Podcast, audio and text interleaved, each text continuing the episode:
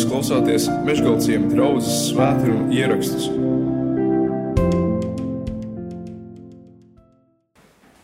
Uh, par šo, ko es tagad gribu jums dalīt līdzi, uh, par šo man lika domāt uh,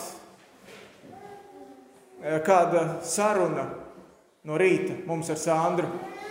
Tikko es biju pavēris acis un pirmo skatienu metis viņas virzienā, es teicu, labrīt, sieviņ, es tevi mīlu.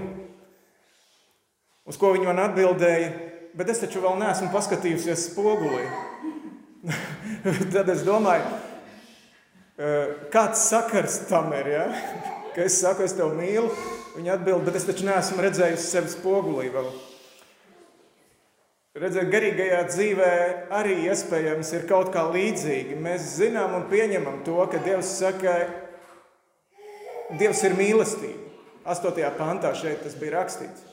Mēs zinām šo te mazo teikumiņu, šo mazo citātiņu. Dievs ir mīlestība. Um, un tomēr šo Dieva mīlestību mēs tik bieži saistām arī kopā kaut kādā veidā ar savu uzvedību. Kā saka, es paņemšu spoguli, es sakopšos, saķemmēšos, un tad es noticēšu tam, ka tiešām viņš ir mīlestība, ka viņš mani mīl. Šī grāmata, no kuras mēs mācāmies, Bībele, kas ir mūsu priekšā, tā jau ir spogulis. Tā jau ir sava veida spogulis, kurā mēs varam ieskatīties un sevi ieraudzīt. Un šajā grāmatā mēs lasām, ka viņš, viņš mīl, ka viņš saka, es tevi mīlu.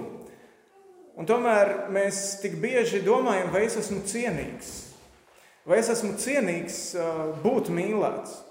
Kāds tam ir sakars, ka viņš man saka, Aivar, es tevi mīlu, bet tad es saku, jā, bet vai tad es esmu pietiekami labs, lai mani mīlētu? Ir, sakars ir, sakars ir, bet viņš ir pakārtots. Jo es būtu bēdīgs, ja Sandra dzirdējusi šo manu mīlestības apliecinājumu, tad visu to dienu tā arī staigātu un nesaķemmējusies, piemēram, ja? vai, vai, ja? es nebūtu pārāk priecīgs par to. Bet mīlestība, un tas vārds, kas šeit ir minēts šajā Jāņa pirmajā vēstulē, tas ir agāpe. Un mēs to zinām, tā ir mīlestība bez nosacījumiem. Šī ir šī dieva mīlestība bez nosacījumiem, lai kāds tu izskatītos. Lai kāds tu būtu, es tevi mīlu. Un man šķiet, ka daudzi dieva bērni, daudzi kristieši varētu dzīvot laimīgāku dieva bērna dzīvi, ja viņi līdz galam spētu noticēt tam, ka Dievs man mīl. Arī ja man ir izdevi, sanācis kaut kur aizķerties, kaut kur klupt, kaut kur nosmērēties un kādā brīdī būt izpūrušam. Skaidrs, ka Dieva vārda spogulis mums atklāja grēku. Uh, un tas ir ļoti svarīgi, jo bez grēka apziņas, ka mēs esam grēcinieki, un bez grēka nožēlas, ka man ir žēl par to, ka es tāds esmu, man ir žēl, ka es esmu to darījis. Bez tā, bez šīm lietām nav kristietības. Bez tā tu neesi īstenībā kristietis. Ja tavā dzīvē nav bijusi grēka apziņa un grēka nožēla. Jo bez grēka apziņas nav vajadzīgs arī glābējs. Jēzus teica, bet tāpēc, ja es esmu pasaulē nācis, tāpēc es esmu dzimis un pasaulē nācis, ja, lai grēku iznīcinātu. Viņš teica, ka es esmu nācis, kāpēc meklēt un glābt pazudušo. To, kas atzīst, ka viņam ir problēmas, ka viņam ir vajadzība pēc glābēja. Pēc tam, kad viņš bija iegriezies uh, Zaheja namā vai Caķeja, tas ir vecais, ir Caķejs, ja, bet pēc jaunā tulkojuma Zahais. Viņš bija iegriezies šī virsmuitnieka namā. Mēs redzam, kādas, ka, ka, ka, viņš, uh, ka viņš pavadīja laiku kopā ar šo vīru un viņa ģimeni, un pēc tam tur notiek kaut kāda liela lieta, liela izmaiņa. Un Jēzus pēc tam šos vārdus saka, tādus cilvēkus es esmu nācis glābt un meklēt. Un, ja es saku, ka Dievs mīl, kāds es esmu, tad tas nenozīmē, ka nav jāmainās. Tas caķis vai zakais, viņš mainījās. To, ko viņš bija sakrāpis, to, ko viņš savā korupcijā bija savācis, to viņš, to viņš izdalīja atpakaļ ja, cilvēkiem, kurus viņš bija apkrāpis. Tur notika grēku nožēla un arī kaut kāda veida rīcība, darbība. Bet tad, kad es saku, ka Dievs mīl mani, kāds es esmu, tad tas pirmkārt nozīmē, ka Dievs mani ir pirmais mīlējis. Dievs man ir mīlējis pirmais, 19. pāns saka, mīlēsim, jo Viņš mūs pirmais ir mīlējis. Dievs mīl pirmais.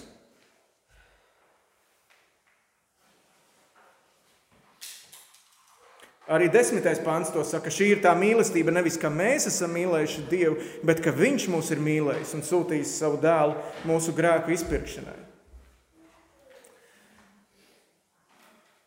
Kad es to apzinos un kad es tam noticu, ka es esmu mīlēts, tad dabiska reakcija būs atsaukties. Mana vēlēšanās mainīties, mana vēlēšanās nomazgāt, izmazgāt to rīta miegu no acīm, saķemmēt manus matus.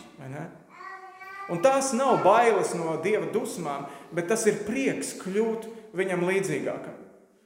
Tam virzienam uz augšu, tām izmaiņām ir jābūt. Bez tām mēs nedrīkstam uh, iztikt un samierināties.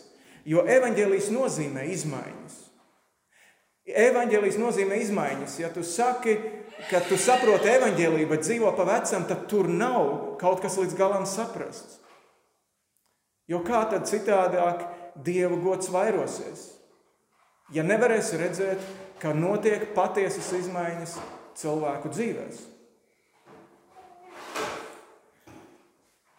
1945. gada 20. augustā, tātad vakardien apritēja 77 gadi kopš brīža, kad Japāna kapitulēja otrā, otrajā pasaules karā. Un tajā dienā brīvību no Japāņu gūsta ieguva tāds karavīrs vārdā Jēkabs Dešeizers. 1941. gadā, un viņš bija 29 gadus vecs tajā brīdī, kad sākās karš, viņš par radio dzirdēja, ka Japāņi bija bombardējuši amerikāņu bāzi Pearlharborā. Un uzzinot to, viņš bija izsaucies, Japānai par to būs jāsamaksā. Un viņš brīvprātīgi iestājās eh, vienībā, kuru gatavoja uh, Japānas bombardēšanai. Un, uh, viņš izgāja šīs apmācības un arī tika nosūtīts misijās. Un, pēc kādas no šīm misijām, kur viņi bija bombardējuši Nagoju, viņi atgriezās Ķīnā, atpakaļ, jo tur bija amerikāņu bāzes. Un, uh, viņiem ceļā pietrūka degviela, jo tur bija jāveic vairāki manevri. Un viņi bija spiesti izlekt ar, ar izpletņiem no savas lidmašīnas. Kādu diennakti viņi slapstījās, bet, bet viņi bija no, nosēdušies Japāņu kontrolētajā Ķīnas zonā, un viņi krita gūstā. Un šajā gūstā viņš pavadīja nu, apmēram 3,5 gadus. Tas bija nežēlīgs laiks, viņi tika nežēlīgi spīdzināti, sisti. Uh, vairākiem komandieriem tika piespiests, piespriests nāves sots uzreiz. Vairāki atkal no, apkal, no tās apkalpes nomira vienkārši badā vai, vai no ievainojumiem. Eh, Dišeizaram tika piespriests, imperators Hirohito piesprieda mūža ieslodzījumu. Bet gūsta laikā šis vīrs aizņēmās Bībeli no kāda, no kāda cietumsarga. Un šī bībele viņam tika aizdota būtībā tikai uz trīs nedēļām. Trīs nedēļas bija viņa rīcībā, bet tā vēsts, ko viņš tur izlasīja, par Dievu, par Dieva mīlestību, kas ir atklājusies Jēzu Kristu, tā viņu, tā viņu pārliecināja. Un šī cilvēkā sāka notikt izmaiņas. Un tās bija tik ļoti pamanāmas. Viņš, uh, viņš sāka mācīties no saviem apsargiem kādus japāņu vārdiņus un sāka ar viņiem mēģināt sarunāties japāniski. Viņš izturējās ar cieņu pret saviem spīdzinātājiem, gūstītājiem. Un ar laiku viņš stāstīja, ka viņš arī saņēma atpakaļ kaut kāda veida cieņu no saviem uh, apsargiem. Un viņa, viņa gūsts tapa mazliet vieglāks. Tad, kad viņš tika brīvībā 1945. gada 20. augustā, viņš devās atpakaļ uz Amerikas Savienotajām valstīm un, uh, un iestājās misijas skolā. Pēc trīs gadiem, 48. gadā, viņš atgriezās Japānā jau kā misionārs.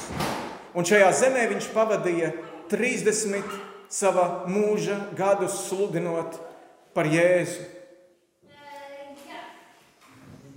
Atrastamies Japānā, kalpodams Japānā, viņš satika kādu kapteini Mitsuo Fushidu, kurš bija, uh, kurš savukārt bija vadījis Perlharboras bombardēšanu savā laikā. Fušida kļuva kristietis 1950. gadā. Pēc tam, kad viņš bija izlasījis Dišeizera liecību par to, kā viņš Japāņu gūstā būdams bija kļuvis par kristieti. Un tagad ir atgriezies Japānā, lai stāstītu par Jēzu. Fušida meklēja, lai atrastu to bībeli, kur ir rakstīts par šo Jēzu, kurš tādas lietas izdara ar vienu cilvēku. Viņš atrada bībeli, lasīja un arī kļuva par kristieti. Dišeizers un Fušida, viņi abi kļuva par ciešiem draugiem. Fušida kļuva par misionāru Āzijā un Amerikas Savienotajās valstīs. Savukārt Dišeizers apmetās Nagojā, pilsētā, kuru viņš bija bombardējis, un dibināja tur draugu.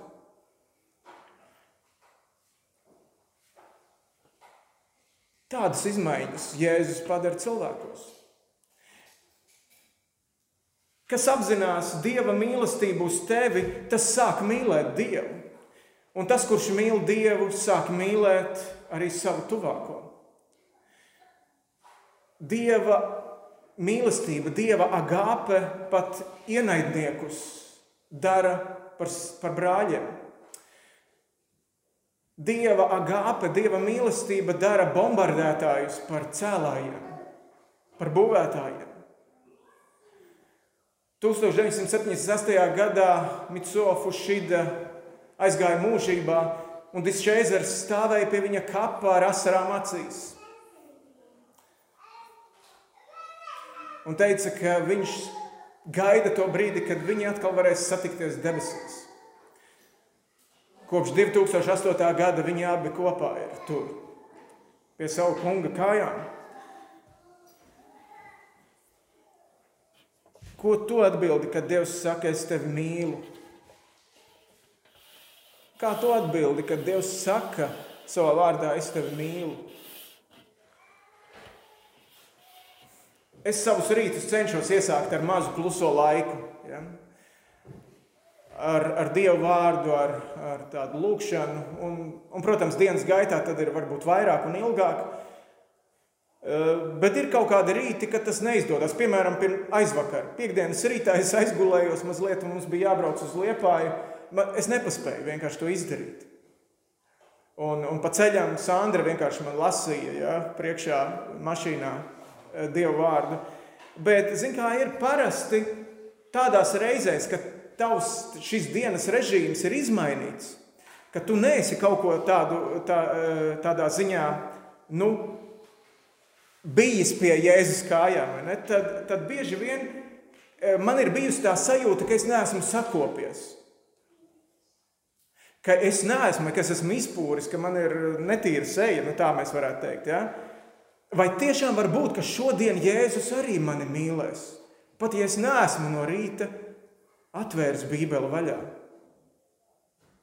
Tas ir šis teicamnieks sindroms, ar kādu es kādreiz dzīvoju. Ja, ja es esmu pēkšņi nu, to divnieku pelnījis, vai tiešām Dievs mani mīlēs arī šodien? Es, es brīdinu, ka nevajag spekulēt uz agāpes rēķina. Teikt, Dievs jau mani mīl, un es tagad dzīvošu ja, tā, kā, tā, kā man ienāk prātā, un, un, un nekādas izmaiņas nebūs. Un tomēr mums, kas mēs vēlamies, un es ticu, ka mēs kā Dieva bērni, kā Jēzus Kristus sakotāji, mēs patiešām vēlamies būt paraugu kristieši. Tie, uz kuriem cilvēki paskatītos, teiktu, jā, tur kaut kas ir labs noticis, tur Jēzus atspoguļojas šī cilvēka dzīvē.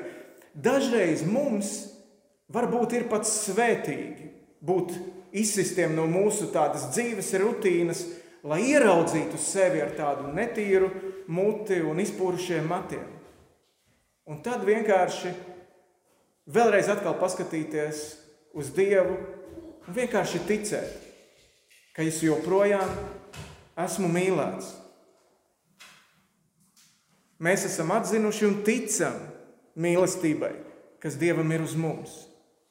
Jo viņa mīlestība ir pirmā, un es tam tikai atbildu. Lūksim Dievu.